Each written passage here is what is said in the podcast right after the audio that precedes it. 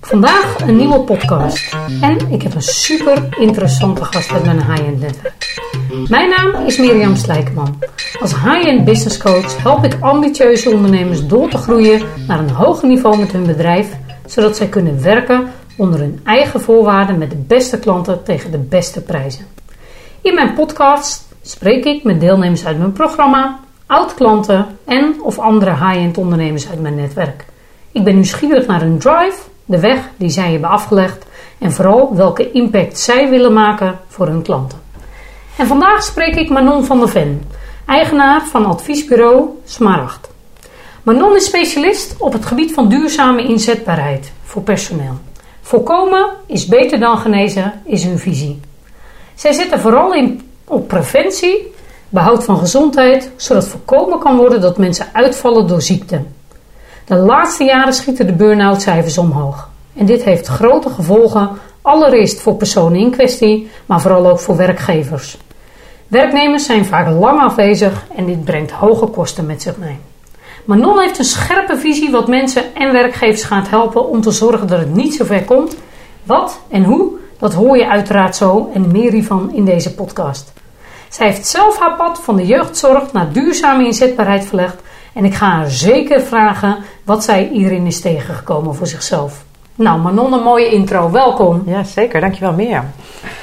Allereerst, Manon, uh, we willen natuurlijk alles weten over hoe ben jij uh, hiertoe gekomen en uh, nou ja, waarom doe je wat je doet. Ja. En vooral welke visie heb jij op wat mensen hier ook in gaat helpen.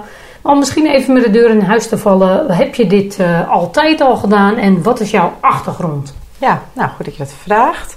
Uh, nee, ik heb dit zeker niet altijd gedaan. Ik doe het nu een paar jaar. Um, ooit wilde ik bij het leger, uh, maar daar ben ik helaas op afgewezen. En toen ben ik eigenlijk de jeugdzorg in nou ja, gekomen. Dat was de plek waar op de opleiding waar nog plek was. Um, in de jeugdzorg heb ik een jaar of tien gewerkt. En toen ben ik voor mezelf begonnen. Um, Wa waarom ben ik voor mezelf begonnen? Nou, dat was eigenlijk vanuit op een gegeven een stukje onvrede over alle veranderingen binnen de jeugdzorg. Maar ook visie um, dat het beter kon. Ja, um, Vaak hè, ondernemers hebben een visie. Ja, het mocht echt anders. Ja. En um, in eerste instantie ben ik begonnen als trainer. Omdat ik vroeger enorm tegen trainers opkeek. En eigenlijk deed ik dat. Toen dacht ik, ja, dit, nou, dit, hier zit niet mijn uitdaging. Dit is niet mijn, uh, mijn pad. En toen ben ik uh, me gaan richten op duurzame inzetbaarheid van personeel. En dan met name het preventiestuk. Oh ja. Nou, daar wil ik straks meer over weten. Maar nog even terug naar die, uh, het leger.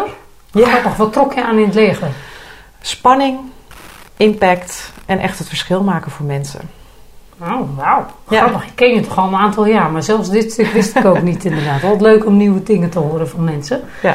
En uh, nou, ik weet inderdaad dat je vanuit de jeugdzorg komt. Hoe lang heb je daar gewerkt? Uh, nou, ongeveer tien jaar. En ik heb in het begin uh, van dat ik mijn bedrijf heb opgericht ook nog wel wat in de jeugdzorg gedaan. Dus laten we zeggen zo'n 14 jaar dat ik in de jeugdzorg heb gewerkt in totaal. Ja.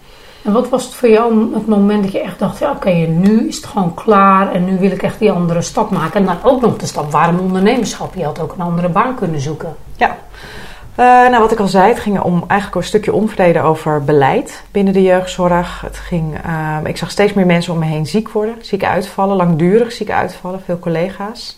Ja. Um, en ik voelde ook dat ik binnen de jeugdzorg niet kon doen waar ik goed in was. En niet het volledige vertrouwen kreeg, wel overigens van mijn werkgever, maar niet vanuit de overheid met heel veel um, stukken die je moet aanleveren ter. Uh, nou ja, voor de veiligheid bijvoorbeeld.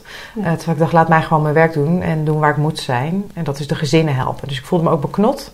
Dus dat ja. maakte ook dat ik dacht... Uh, ik Beheers en regelcultuur. Ja, ja, en die paste eigenlijk niet zo heel goed bij mij. Daar word ik ook uh, licht opstandig van. En dat was ook wel het moment dat ik dacht... nou, volgens mij is dit gewoon niet meer mijn, mijn wereldje om in te werken. Ja, nou ja, het zijn ook fases in het leven. Hè? Dus dat paste toen in die fase. En waarom toen ondernemerschap en waarom niet een andere baan? Um, nou, dat was eigenlijk toevallig op mijn pad gekomen. Een oud collega van mij die had een bureau ook, uh, waar ze ZZP'ers zochten. Was wel dan trainingen gegeven in de jeugdzorg. En ik dacht, nou, dat is een mooie. Het was ook eigenlijk wel een beetje een veilige overstap. Uh, deels ook wel omdat zij op dat moment geen contracten aanboden. En dus enkel wilde werken met ZZP'ers. Dus nou ja, dat maakte ook dat ik uh, op een gegeven moment mijn contract heb opgezegd en het ZZP'en ben gaan uitproberen. Ja. Dus het was, uh, dat was eigenlijk een vrij makkelijke, veilige overstap. Want ik kende in ieder geval het werkveld en heel veel uh, ja. van de collega's al. Die kon een stap die je eigenlijk makkelijk kon maken. Hè? Zeg maar wat een logische vervolgstap leek. En ook wel weer een nieuwe uitdaging inderdaad. Ja, ja, zeker. Maar de uitdaging zat hem dan meer op het stukje voor jezelf beginnen. Uh, de Belastingdienst, uh, Kamer van Koophandel, alles opzetten. Echt het ondernemerschap leren inderdaad, ja. hoe dat werkt. Ja. ja, en niet zozeer in de, in de taak die ik had. Want dat, nou ja, inmiddels kende ik wel, ja. wist ik wel hoe dat werkte. Ja. ja. En wanneer begon dat weer te kriebelen? Dat je echt dacht van nou, uh, leuk, dit ken ik wel. Ja, dat, nou, dat, dan, tenminste, ik heb altijd van die fases, dan gaat het weer kriebelen. Ja, ik denk na een jaar. Ik vond Toen al? Nou ja, ja, eigenlijk wel. Want ik merkte dat ik toch wel weer veel van hetzelfde deed, alleen in een ander jasje gegoten. En ik ben toch ook wel super ambitieus. Dus ik dacht, er zit meer in, in mij en in, uh, in, in mijn onderneming die ik ben gestart. Uh, weliswaar ZZP'er, maar er zit gewoon meer in. Uh, en ik liep ook wel tegen het uurtje factuurtje verhaal aan. Uh, dus ik kon echt alleen nog maar meer gaan verdienen door veel meer te gaan werken. Um, wat, ik ben niet vies van hard werken. Alleen ik hou ook van door kunnen groeien op andere wijze. Ja, je hebt gewoon, ik bedoel, wij kennen elkaar natuurlijk. Ik bedoel, uh, ook in het ondernemerschap inderdaad. En het high-end ondernemen. Maar je hebt gewoon een ontzettend hoge en grote ambitie. Ja, klopt. En ik denk precies wat jij zegt, dat jouw kwaliteiten gewoon niet volledig benut werden. Je deed op een gegeven moment wat je kende en dit stukje was al nieuw. Ja. Maar dat andere stuk was nog niet doorontwikkeld. Ja. Klopt, ja. En hoe kom je dan van dat stuk uh, richting duurbare inzetbaarheid? Want dat is dan toch wel weer een hele stap. Hoe is dat gegaan? Uh, in mijn omgeving werden wat mensen ziek. Vielen vriendinnen van mij uit door, door een forse burn-out. Uh, dus dan zie je ook, uh, anders dan een collega die niet meer op kantoor verschijnt, ook de tragiek van de mensen thuis en het gezinsleven. En soms zelfs relaties die het volledig op de kop zet. Ja. en ik voelde daar, dat daar een enorme drijf kwam. Van hoe mooi zou het zijn als we dit eigenlijk kunnen gaan voorkomen. Dus voorkomen is beter dan genezen.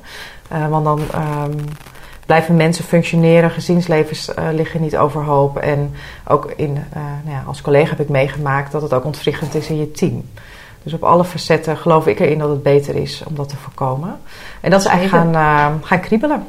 En, zo, en het is ook de laatste jaren ontzettend gestegen natuurlijk. Hè? Hoe, wat, denk, wat is jouw visie waarom het zo explosief stijgt de laatste jaren? prikkels. We leven constant in prikkels. We staan uh, eigenlijk altijd aan. Altijd, ja. ja. En het bijzondere is, is eigenlijk dat wij uh, die prikkels nog hanteren met het stresssysteem van een vis. Dus wij zijn niet verder... Leg uit, ja. wacht, oh, leg uit. Ja. ben, je, ben ik je kwijt. Nou, het evaluatie, ons, onze evaluatie gaat... Um, die, dat gaat niet zo snel. Tenminste, onze omgeving gaat veel sneller dan wij als mensen evalueren. En daarin um, is ons brein ook nog niet volledig mee geëvalueerd. En ondertussen zie je, we zitten nu midden in de technische revolutie. Uh, die gaat maar door, door, door. En ons brein die kan letterlijk die prikkels niet aan. Want wij hebben dus nog hetzelfde stresshanteringssysteem als een vis. Alleen een vis die ziet gevaar, die vlucht en die zoekt een rustig stukje water op. En wij gaan eigenlijk de hele dag maar door. En zo'n bliepje van je telefoon is eigenlijk al hetzelfde stressniveau als die vis die een high ziet. En dat hebben wij dus de hele dag door. En hoe je daarmee omgaat, ja, dat is. Um, we hebben niet allemaal dezelfde weerbaarheid. Dus dat is ook gewoon heel. Uh, sommige mensen kunnen hier beter mee omgaan dan andere mensen. Uh, maar dat is wel een belangrijk onderdeel waarom veel, veel mensen ziek worden.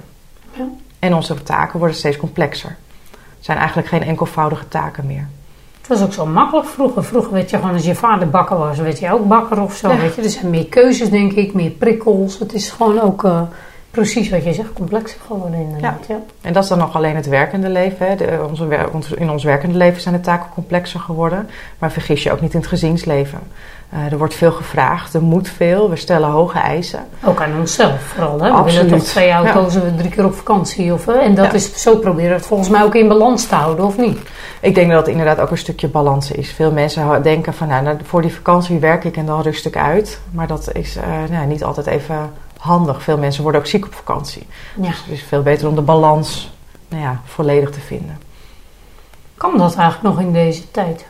Is dat, is dat wel realistisch? Uh, is dat wel haalbaar als ik jou zou horen? Ik bedoel, ik voel me nu, ik, ik ben heel beeldend. Ik zie een vis voor me. Hmm. Inderdaad. En, en inderdaad, zo'n wereld met allemaal van die complexe prikkels. Uh, dan worden we echt continu overprikkeld, zoals jij het noemt. Mm -hmm. Is daar wel balans in te krijgen? Is dat wel een reële verwachting ook nog? En wat, wat betekent dat eigenlijk voor de toekomst? Nou, ik denk in jouw woordkeuze zit het al. Is een reële verwachting en die begint bij jezelf. Dus wil je nog wel alles?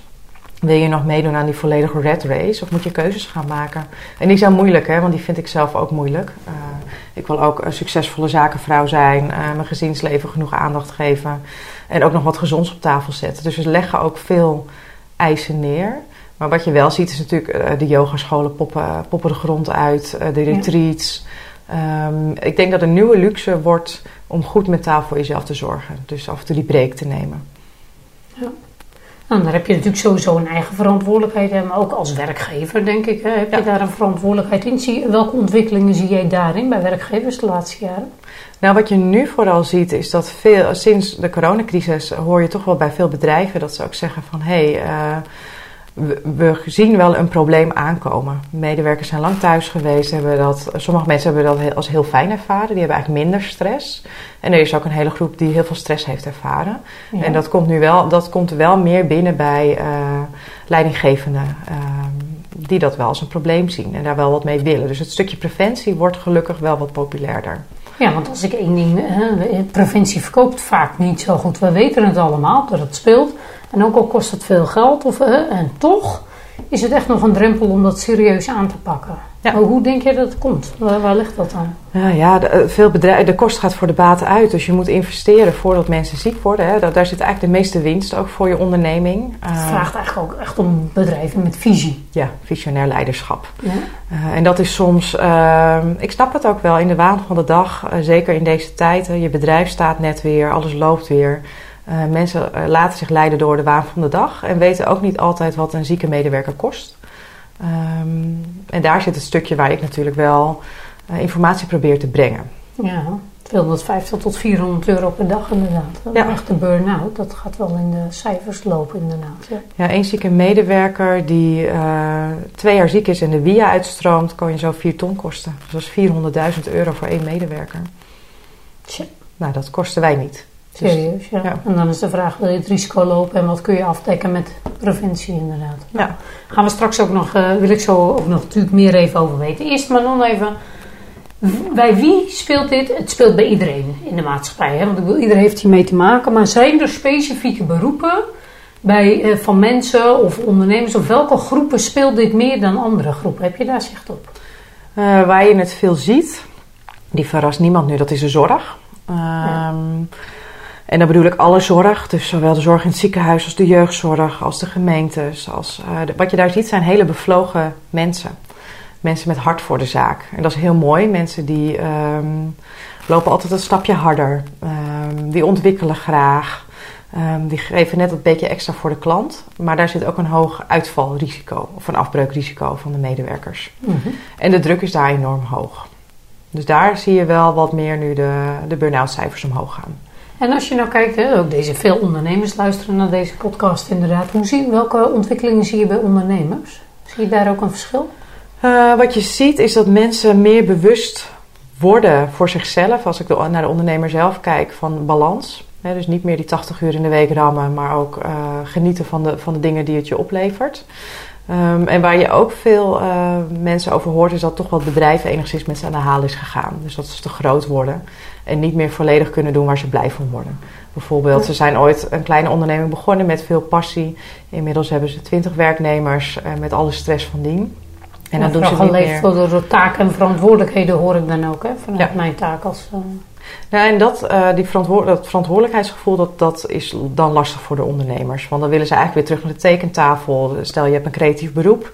Je wil gewoon weer doen wat je altijd deed als ontwerpen. Uh, maar dat kan niet omdat je vindt uh, dat je het bedrijf moet managen. Dus nee, de mensen moet, moet managen. ook letterlijk, inderdaad. Ja. Ja. ja. ja. toch kunnen mensen, help ik wel ondernemers ook daarin keuzes te maken. Wat, Zeker, waar word je, je blij van? Uitbesteden, ja. ja. Je, dus dat zijn op een gegeven keuzes en ook leren delegeren natuurlijk. En niet alles zelf willen doen. Het Als ik kijk, uh, zeker ook voor mij was dat ook de keuze om te gaan high-end ondernemen. Fysieke keuze voor kwaliteit inderdaad. Mm -hmm. uh, ik merk het ook in de gesprekken die ik met ondernemers voer. Is dat vooral de ondernemers die ik spreek kwaliteit. Ja. En, heel, en keuzevrijheid. Ja. Dat zijn denk ik, en ja, volgens mij past dat helemaal in het verhaal wat jij ook uh, zegt inderdaad. En niet zozeer vanwege ziekmakend, maar echt veel bewuster willen kiezen. En dat zijn wel vaak de mensen die iets ouder zijn. Merk jij dat ook? Is het leeftijd, meer leeftijdsgebonden? Ja, het is een soort faseovergang. Tussen 40, rond de 40 heb je zo'n faseovergang. Van goh, nu heb ik alles gepresteerd, maar wat wil ik nu eigenlijk? Ja. En je hebt zo'n fase een beetje na 50 van joh, eh, wat ga ik nog doen in die fase of zo? En ik wil nu echt meer kwaliteit hebben of alvast minder doen. Of, eh, wat merk Ja. jij? Grappig dat je dat zegt. Ik hoorde hem juist ook veel bij de dertigers. Dus die hebben ooit een beroep gekozen in het voortgezet onderwijs. Ehm, zijn een bepaalde kant op gegaan. Want nou, eigenlijk het voorbeeld wat jij net noemde, papa is bakker. Dus ik word ook bakker, even om een voorbeeldje te noemen. Ja. Maar worden ze daar eigenlijk wel gelukkig van? Ehm, en je ziet gewoon op sociale media heel veel eh, berichten over doe je wat, je wat je gelukkig maakt. eh, heb je impact. Dus die druk op die groep is ook heel groot. Dus nee, ik, merk hem juist vaak eh, Iets bij eerder die, eh, zeg ja. Ja. Oké, en ik bedoel, stel eens even een klant eh, kan zijn. Dus eh, help jij individuen of help jij vooral eh, bedrijven? Hoe, Nou, met adviesbureau Smaragd helpen wij vooral grote bedrijven boven de 50 man personeel. Omdat wij merken dat die hebben vaak niet meer de verzekering tegen arbeidsongeschiktheid. Hè, dus de, omdat ze te groot worden en dat wordt te duur. Ja. Dus daar zijn wij echt wel een interessante... ehm, dat zijn interessante klanten voor ons. Ehm, dat zijn grote bedrijven die... ehm, ja, hele verschillende problematiek eigenlijk ervaren. Ik heb een aantal bedrijven die hebben helemaal geen hoogziekteverzuim. Dat zijn eigenlijk mijn ideale klanten. Die zetten dus heel erg in op het preventieve stuk. ja, is dat puur preventie? Kun je dat, zo, kun je dat letterlijk één op één zeggen? De bedrijven die eigenlijk laag ziekteverzuim hebben, die zetten in op preventie? Ja, die vinden het enorm belangrijk om eh, dat ziekteverzuim laag te houden en om het personeel gezond te houden. Ik denk dat het alleen maar belangrijk wordt. Zeker nu we die vergrijzing aangaan. Ik bedoel, je personeel is, wordt steeds meer je kapitaal. Waar je eerst nu nog wel meer keuze hebt, wordt dat straks nog belangrijker. Absoluut, want je hoort nu natuurlijk ook dat veel mensen moeizaam aan personeel komen. Eh, dus ik denk binden en boeien betekent ook goed voor je medewerkers zorgen. Dus kansen bieden om door te groeien. Eh, en om kansen te bieden om gezond aan het werk te blijven. Ik denk dat dat op termijn misschien nog wel meer gaat meetellen dan een hoger salaris. Ja, ik denk het ook zeker weten inderdaad. En eh, wat voor soort bedrijven moet je dan een beetje aan denken? Ik bedoel, je hoeft niet naam en toenaam, maar even een soort grote bedrijven. Zijn dat in bepaalde branches? Of, nou, we zitten nu onder andere in de reclamebranche, de hotel, hotelbranche, eh, bloemist, parfumerie. Eh, dus dat zijn wel de grotere ondernemers. Eh, ik heb ook nog wel, eh, of wij coachen ook nog wel wat kleinere ondernemers. En dat zijn ondernemers met 10 man personeel. Waarvan we de ondernemer dan coachen in, nou, die is uitgevallen door een burn-out. En die weten ons inmiddels ook goed te vinden. En die coachen we dan één op één. En dat doen we middels een, een meting. Van werk je nog vanuit je kracht, de ACT-meting. of vanuit prestatiekracht. En hoe kunnen we de balans weer voor jou terughalen. Ja, vertel er eens iets meer over. Want is zo'n act-meting, is dat iets wat je preventief inzet? Of is dat iets... eh, Het is heel wisselend. Hij wordt, eh, de ACT-meting is een hele unieke tool. Ehm, ik ben- vertel eerst even wat dat is. inderdaad. Ja, nou, vanuit de jeugdzorg heb ik zelf heel veel metingen gekregen. Dat, ehm, dat, dat kreeg je vanuit je werkgevers om te kijken, werk je nog vanuit je kwaliteit? Welke kleur ben je? Ehm, nou, er zijn enorm veel metingen, alleen vaak gaat die op cognitief niveau. Dus je weet stiekem al, weet je al welke kleur je moet kiezen of welke competenties je moet kiezen. Dat is allemaal nog bewuste keuzes. De ACT-meting maakt gebruik van plaatjes eh, en die triggeren iets in jouw brein, waardoor jij je be- onbewuste voor- en afkeuren in beeld krijgt. Die je eigenlijk al in de buik van je moeder hebt meegekregen. Dus dat zijn echt aangeboren voor- of af, afkeuren. Het kan bijvoorbeeld zijn dat jij een voorkeur hebt voor leiderschap. Of dat je echt een visionair bent. Ehm, nou, als dat zo is, dan is het interessant in het hier en nu om te weten of je daar ook competenties bij hebt gekozen. Dus leef jij je natuurlijke voorkeuren. Wat je veel ziet bij En ook mensen. of het matcht, volgens mij. Ja, Ja. dat. Wat je ziet bij veel mensen is dat ze door het leven eh, vaardigheden hebben aan moeten leren. Dus eh, competenties hebben moeten aanleren die niet in hun natuurlijke kracht zit. Eh, en dat gaat ergens wrijven, geeft frictie. En daar kan je op termijn ook op uitvallen. Dus de tool wordt eh, gebruikt om burn-out te voorkomen. Dus hè, werk je, zit je op je goede plek, doe je waar je kracht ligt. Maar hij wordt ook eh, voor de werving en selectie gebruikt. Eh, hele grote bedrijven, bijvoorbeeld de Efteling, eh, heeft zijn hele MT aangenomen middels de ACT-meting.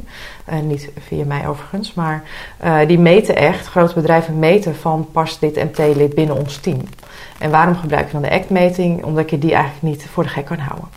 En hoe zet je dat dan in als teamtool? Hoe moet ik dat uh, zien? Is dat Uh, interessant voor ondernemers om het te horen? En wat kan het betekenen eventueel voor mijn bedrijf? Ja, nou, individueel zet je hem, eh, kan hij gebru- gebruikt worden als in het team. Wat je doet, je krijgt een linkje via de computer en in 15 minuten is hij ingevuld. En in 15 minuten heb je een heel rapport over je eigen profiel. En stel dat we hem inzetten voor een team, dan ga je dus het teamprofiel naast elkaar leggen. Is dit team in balans? Eh, stel Ja, dat iedereen de verantwoordelijke eh, als voorkeur heeft, heb je heel veel verantwoordelijke mensen, dat is heel fijn. Maar is die balans nog wel goed? Of moet je er misschien juist wat meer visionairs ook bij hebben, de dromers? Ja. Eh, om daarin meer Ja, dus zo kun je eigenlijk een complementair team ook.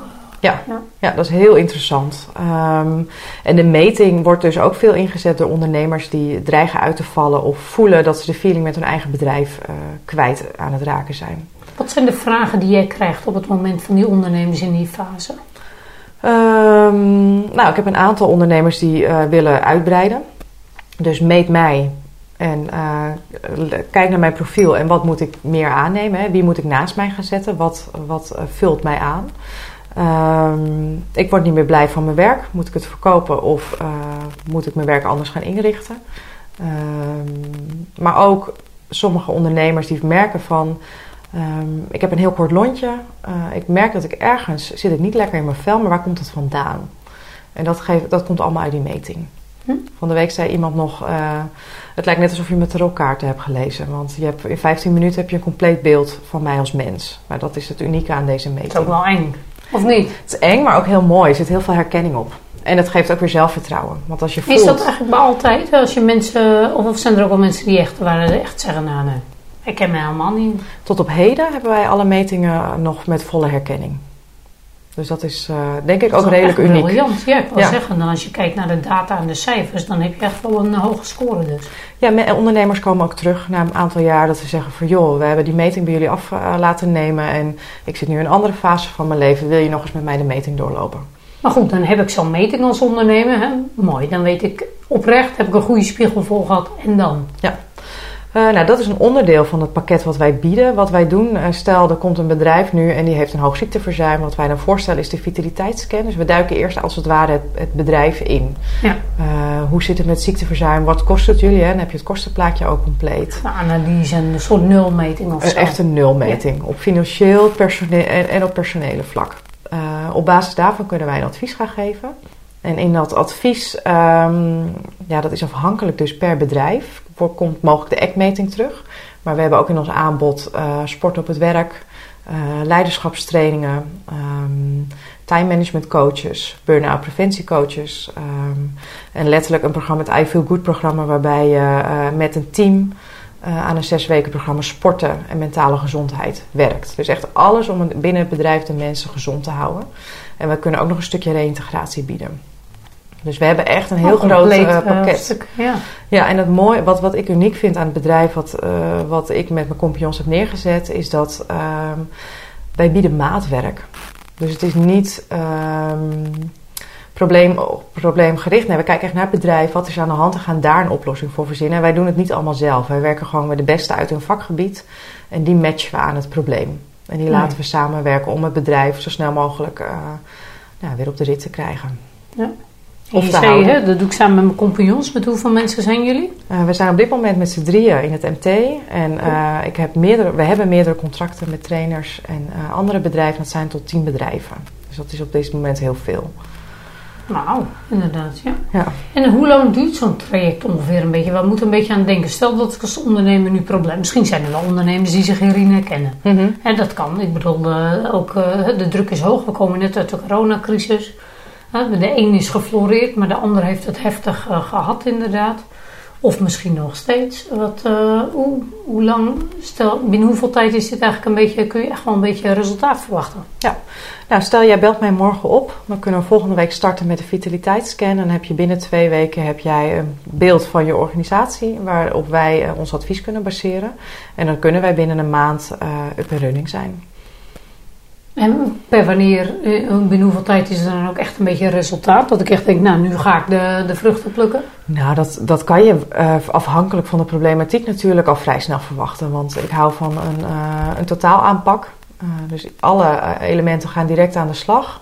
Dus binnen twee maanden voelt het bedrijf echt wel verlichting. Vanaf het punt van de vitaliteitsscan tot de eerste interventies die zijn gepleegd. Oké, nou dat is eigenlijk inderdaad al snel. Volgens mij is het ook heel pragmatisch, of niet? Ja, Zo klinkt het. Dat, dat past ik ken jou, je bent zelf heel pragmatisch inderdaad. Ja, ja, ja. Nee, ik heb het, we hebben het bedrijf wel daar... Uh, eigenlijk alles waar ik mij vroeger aan stoorde in de jeugdzorg... dat wil ik voorkomen binnen deze onderneming. Dus hè, we, moeten, we maken plannen op maat. We kijken echt naar wat heeft iemand nodig. We gaan aan de slag. En zodra uh, we samen tot de conclusie komen dat de doelen zijn behaald... zijn we ook weer weg. Dus je zit ook niet jaren aan ons vast... Lekker hè, dat je het onder je eigen voorwaarden neer kan zetten. Zo. Ja. Echt ondernemerschap inderdaad. Ik voel het aan alles. Ja. Helemaal uh, leuk dan Is er een uh, casus die is bijgebleven, die echt impact heeft gehad voor je, waarvan je denkt, wauw, hier hebben we gewoon echt het verschil gemaakt voor iemand of voor een bedrijf? nou, verschillende wel. Um, Kies er één. Wat ik een hele mooie vond, dat ik ooit een training bij een bedrijf heb uh, mogen verzorgen met adviesbureau Smaracht. En toen hadden we een totaal niet gemotiveerd team. En als trainer, um, nou ja, dat ken je misschien als je zelf trainingen geeft ook wel, is uh, dat je op een gegeven moment zo'n groep als trainer volledig tegen je in het harnas kan hebben. Dat uh, in plaats van alle boosheid naar bovenaf wordt dan op de trainer geprojecteerd. Dus eigenlijk werd mijn hele programma afgebrand. En toen dacht ik wel eventjes, oké, nu zit ik met 15 man tegenover me. Gelukkig was ik samen met iemand. En uiteindelijk hebben we de training kunnen ombuigen naar, met toestemming uh, van de directie. Naar, oké, maar wat willen jullie dan wel? Maar ga dan ook bouwen. Dus kom op, hè. niet alleen roepen, dan wil ik ook wel resultaat zien. En hebben ze hun resultaten zelf aan de directie mogen presenteren. Dus dat was onwijs, onwijs gaaf om te doen vooral. En dat is misschien niet een enorme transformatie voor in de podcast, maar als je in zo'n groep zit en je voelt hem van totale weerstand van mensen die uh, uh, eigenlijk helemaal niet naar de training wilden komen, naar goh, wat hebben we hiervan aan gehad? En zo ook dus weer het bedrijf ingaan. Ja. En dat blijf ik een van de mooiste transformaties vinden. Oh, ja, leuk inderdaad. Ja. ja. Welke drie dingen kenmerken echt Manon? Wat vind je nou echt, uh, dat vind ik leuk om iets meer over jou als ondernemer te weten en als mens vooral ook. Ja. Wat is typerend Manon? Um, ik ben heel loyaal ben doelgericht en sociaal. Ja. ja, dus, uh, ja een grote drive. Altijd gehad. Resultaatgericht. Ja. Als ik er nog drie jaar mag vullen. Ja, nee, altijd al gehad. Eigenlijk al van, uh, van klein kindje af aan. Um, ik ben dyslectisch, dus ik was qua leren kwam ik uh, niet zo heel erg vooruit. Vroeger werd dyslexie ook niet zo onderkend. Erkend, ja. Ja, dus ik weet nog dat er een docent was die tegen mijn ouders zei van... Nou, als Manon ooit cashier wordt, dan mogen jullie in jullie handjes knijpen. En op de een of andere manier heeft dat ergens zich uh, in mijn hoofd geplant. Dacht ik. Ja. Zal nog wel zien. Ja, dus toen ik mijn HBO had gehaald, dacht ik zo. Nou, en nu heb ik ze allemaal wel een poepje laten ruiken. Maar die drive, die zit er natuurlijk altijd nog wel, uh, wel in. Daar kom ik niet helemaal vanaf, vrees ik. En nu, heel eerlijk, hè, dat vind ik dan ook leuk. Maar dan, want ik zeg altijd tegen mijn uh, klanten, mijn high-end klanten... van jij bent heel vaak ook je eigen high-end klant inderdaad. Mm -hmm. In hoeverre is dat voor jou uh, van toepassing? Hoe bedoel je die? Nou, dat ik bedoel, als ik, ik ben, ik zoek klanten die ook gedreven zijn en mm-hmm. ambitieus en ook echt die stappen willen maken. Hè. Dus ik, je zoekt eigenlijk altijd klanten die bij jou passen en ook een bepaalde drive hebben. Dus meestal ben je zelf een soort ideale klant. In hoeverre ja.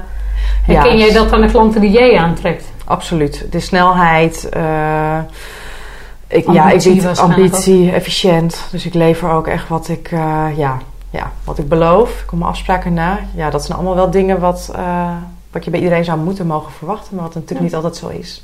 Heb je zelf ook wel echt met burn-out geworsteld of, of ken je dat, is het je bespaard gebleven? Het is me gelukkig bespaard gebleven. Ik heb wel richting een overwerkte eh, periode gezeten in de jeugdzorg. In de jeugdzorg er zijn ook fases, je bent niet zomaar burn-out. Er zitten stadia in inderdaad. En, al, en ja. voor mij laten we het vooral niet helemaal in een hokje plaatsen, want daar houden we niet zo van. Nee, nee, zeker niet. Maar ik heb wel richting over, overspannenheid gezeten, maar ik heb dat opgepakt zoals ik alles in mijn leven oppak. Ik heb wel gelijk een coach gezocht, want ik voelde dit gaat mis. Um, maar ik vond het een heel uh, onmachtig gevoel. Dat je je emoties niet meer volledig onder controle hebt, snel uit balans bent, minder efficiënt wordt in je werk. Um, en toen ik eigenlijk voelde ook, uh, toen de frustratie in de jeugdzorg bij mij hoog opliep, dacht ik, oh, maar als ik nu niet oppas, ga ik weer richting overwerktheid toe. En dat was voor mij ook wel een, ook een van de signalen om ermee te stoppen. Ja, mooi. Je kan ook maar zoveel geven aan de anderen. Je moet ook goed voor jezelf blijven zorgen. Zeker, nou, maar het is gewoon, kijk, ondernemers hebben niet voor niks een higher purpose, hè? een soort missie in life. Hè? dus, Mhm. eh, en die missie komt inderdaad ergens vandaan. En vaak eh, zijn het meerdere dingen die daaraan bijdragen. Klopt. Maar vaak heb je zelf ook iets meegemaakt of iets heeft eh, en wat je ziet of eh, maakt dat dat voor jou belangrijk is om eh, daarmee aan de slag te gaan en daarmee het verschil te willen maken, inderdaad. Ja. Ja, ik, ik geloof echt, weet je, mensen komen niet, mensen komen naar hun werk of hebben ergens voor gekozen, omdat daar toch een stuk passie zit. En die mensen moet je Zeker. koesteren en daar moet je Ja. goed voor zorgen. En daarin, nou, daar is de onderneming eigenlijk rondom gebouwd. Ja, mooi. Ja. En dan vind ik ook dat je altijd afscheid moet nemen van mensen als die het niet meer hebben. Dat mag ook. Tuurlijk, Dat maar dat kan ook op een hele. eh, het is ook goed om dat respectvol Ja, en zeker. direct duidelijk aan te pakken. Dan blijf je met elkaar ook. eh, Ja. Maar dat is ook goed om daar eerlijk het gesprek met mensen over aan te gaan als het niet meer past. Absoluut. Dat bedoel ik, maar dat vind ik juist respectvol. Ik Ja. vind zelfs dat we dat, ook in mijn leiderschapsperiode, dat dat wel eens nagelaten werd. Ja, Ik heb ook wel voor hete vuren gestaan, maar ik ben denk ik dat soort dingen in ieder geval nooit uit de weg gegaan. En wel vanuit oprechte intenties. Werd niet altijd zo oprecht ervaren, dat is iets anders. Nee, maar dan, ben dan ik, liggen eh, er andere dingen onder. Hè? Ik ben het volledig met oprecht je als eens. het niet matcht of als het niet meer klopt. Vaak zitten mensen, kunnen ze voor zichzelf ook niet altijd de keus maken. Dat is, vaak moet je eerst burn-out worden of overspannen Mhm. zijn of klachten hebben. In ieder geval zover dat je uitvalt. Voordat je weer dat soort keuzes kunt maken. En als je daar iemand voor kunt behoeden, Ja. al kunt voorkomen. En daarover mooi eerder het gesprek kunt aangaan. Dan is dat denk ik echt een win-win. Voor beide kanten. Absoluut. Wat je veel ziet in bedrijven is toch een stukje eh, onmacht, maar ook vermijden. Hè. Als een medewerker aan de telefoon zegt van het hoe. is, ja, maar dit is privé, dan stopt het gesprek soms ook. Ja. Dus ik denk, joh, maar je bent als mens ook geïnteresseerd hoe het met je collega gaat. Weet je, dus het is ook maar net hoe je hem insteekt. Ja. Maar ik kan me echt voorstellen dat het voor bedrijven een enorme uitdaging kan zijn. Dat is het ook. Ja. En ook een stukje privacy, dat zal ook meespelen misschien. Eh, en de wat wet, wel, wat of, niet. of juist, niet volledig op de hoogte zijn van de wet. eh, Ja. ja. Wat maakt jou expert op dit gebied, eh, Manon? Zijn er eigenlijk meer? eh, is, is er veel op dit gebied? Of zijn jullie wel een van de weinigen die het op eh, deze manier aanvliegen? Ik denk dat wij een van de weinigen zijn die het op deze manier aanvliegen. Dus door echt eh, ook weer met experts te werken en een- nou, eigenlijk een programma aan te bieden waardoor je een bedrijf ook volledig ontlast van deze zorgtaken of van, van de zorg, zorgen over het personeel. Eh, waar ben ik expert in? Ik denk dat ik expert ben in het overzien van. Ik kom ergens binnen en ik kan eh, vrij snel zien wat is de situatie. En daar de juiste mensen en oplossingen aan koppelen. En ook zorgen dat het blijft lopen. Dat, daar ligt echt wel mijn eh, expertise. Ja, mooi. En ik heb altijd één vraag in mijn podcast. En dan vraag ik altijd, ja, waar, als jou als persoon, stel dat we je midden in de nacht nou wakker maken. Waar zouden je voor wakker kunnen maken? Oh jee. Nou, Wil je wakker gemaakt worden eigenlijk? Ik heb ook wel eens mensen gehad die zeiden, laat me maar alsjeblieft slapen. Ja, slaap is wel heilig. Ik eh, ben een heerlijke slaper. Waar kan je mij midden in de nacht voor wakker maken? Ehm, ja, voor een reisje. Waar naartoe? Naar iets warms. Liefst naar een stad. Laten we zeggen Barcelona. Of lekker naar eh, of iets Thais. Lekker, lekker een week op een Thais eiland zitten. Heerlijk. Dus voor reizen. Maar eh, ik, leg de lat vrij hoog. Laat mij maar slapen. Liever niet wakker maken, inderdaad. Eh, Liever niet. En Manon, ik wil, we hebben het al even kort over het ondernemen gehad. En je hebt zelf de stap gemaakt naar ondernemen. Eh, en nou, dat heb je net uitgelegd waarom. toch die vrijheid en het vooral kunnen doen onder je eigen voorwaarden. Dat is ook Mhm. een beetje echt dat, eh, nou ja, dat is ook echt ondernemerschap, keuzevrijheid en autonomie inderdaad. Welke valkuilen ben jij tegengekomen in ondernemerschap? Of is het bij altijd van een leien dakje gegaan? Nou, ik zou willen dat het zo was. Eh, mijn grootste valkuil is eh, soms loslaten van oude, oude contacten en echt de keuze gaan maken voor, voor iets nieuws. Dat vind ik lastig. Kan best nog zit wel. natuurlijk eh, niet kern maar de loyaliteit. ja, nou, mooi gekoppeld inderdaad. Ja. Ja, en het is ook een stukje veiligheid natuurlijk. Hè, als, als iets een paar jaar lang toch weer je rekeningen heeft betaald. eh, om weer de volgende stap te gaan maken. Spannend. Ja, Moedige de- keuzes. het, het grappige is wel, als ik eenmaal weer die drempel over ben, dan levert het me ook weer eigenlijk die autonomie eh, direct weer op. En werk ik direct ook weer met de klanten die ik heel graag zou willen hebben.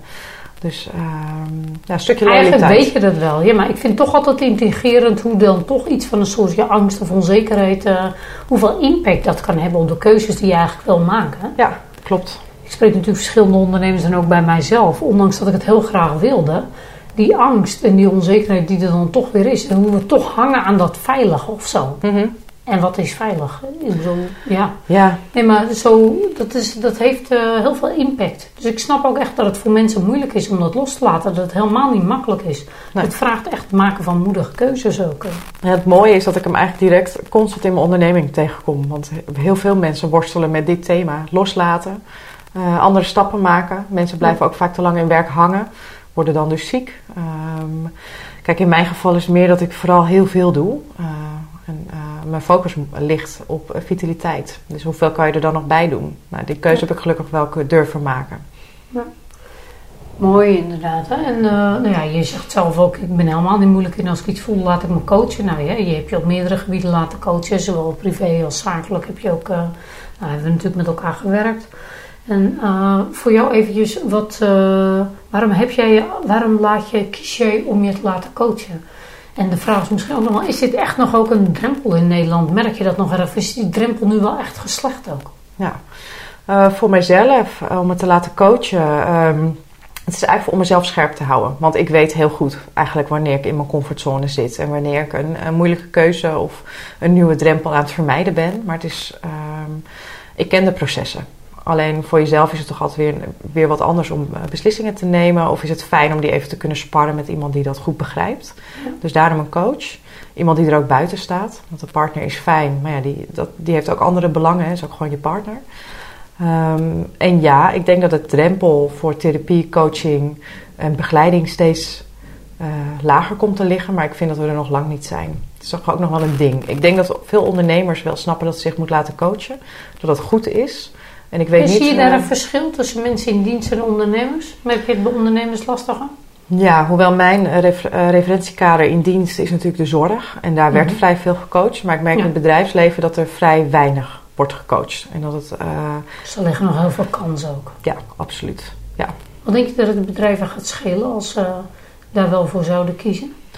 Ehm, ik denk dat het heel veel kosten op termijn gaat schelen. Dus echt dat het zieke medewerkers gaat eh, schelen. Dus die 400.000 euro eh, in potentie eh, gaat, het je, gaat het je schelen. Als ook, ehm, kijk, als iemand echt niet op zijn plek zit... ehm, en je kan daar op tijd met, met een coach diegene herplaatsen of naar een betere plek leiden. Hoe prettig is dat voor beide partijen? En dat levert ook weer meer productie op de werkvloer op. Want dan kan je iemand anders aannemen. Nou, klinkt allemaal heel logisch, eh, Manon.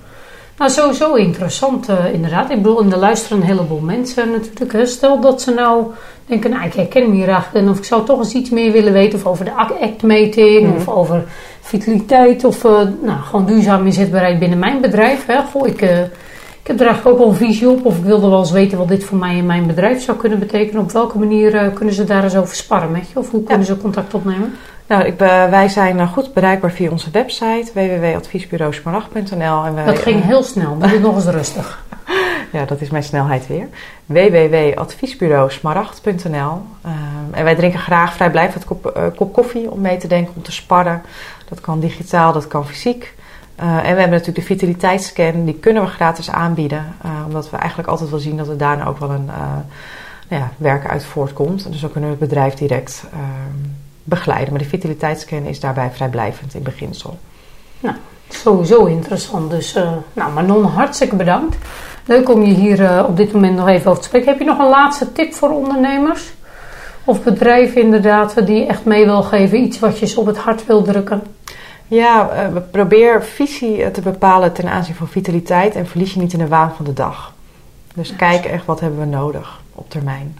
Mooi, en neem dat ook gewoon mee in jaarplannen, kwartaalplannen, monitoren. het. Absoluut. Heb er een visie op in ieder geval en eh, Ja. begroot het ook en eh steek er energie in, inderdaad.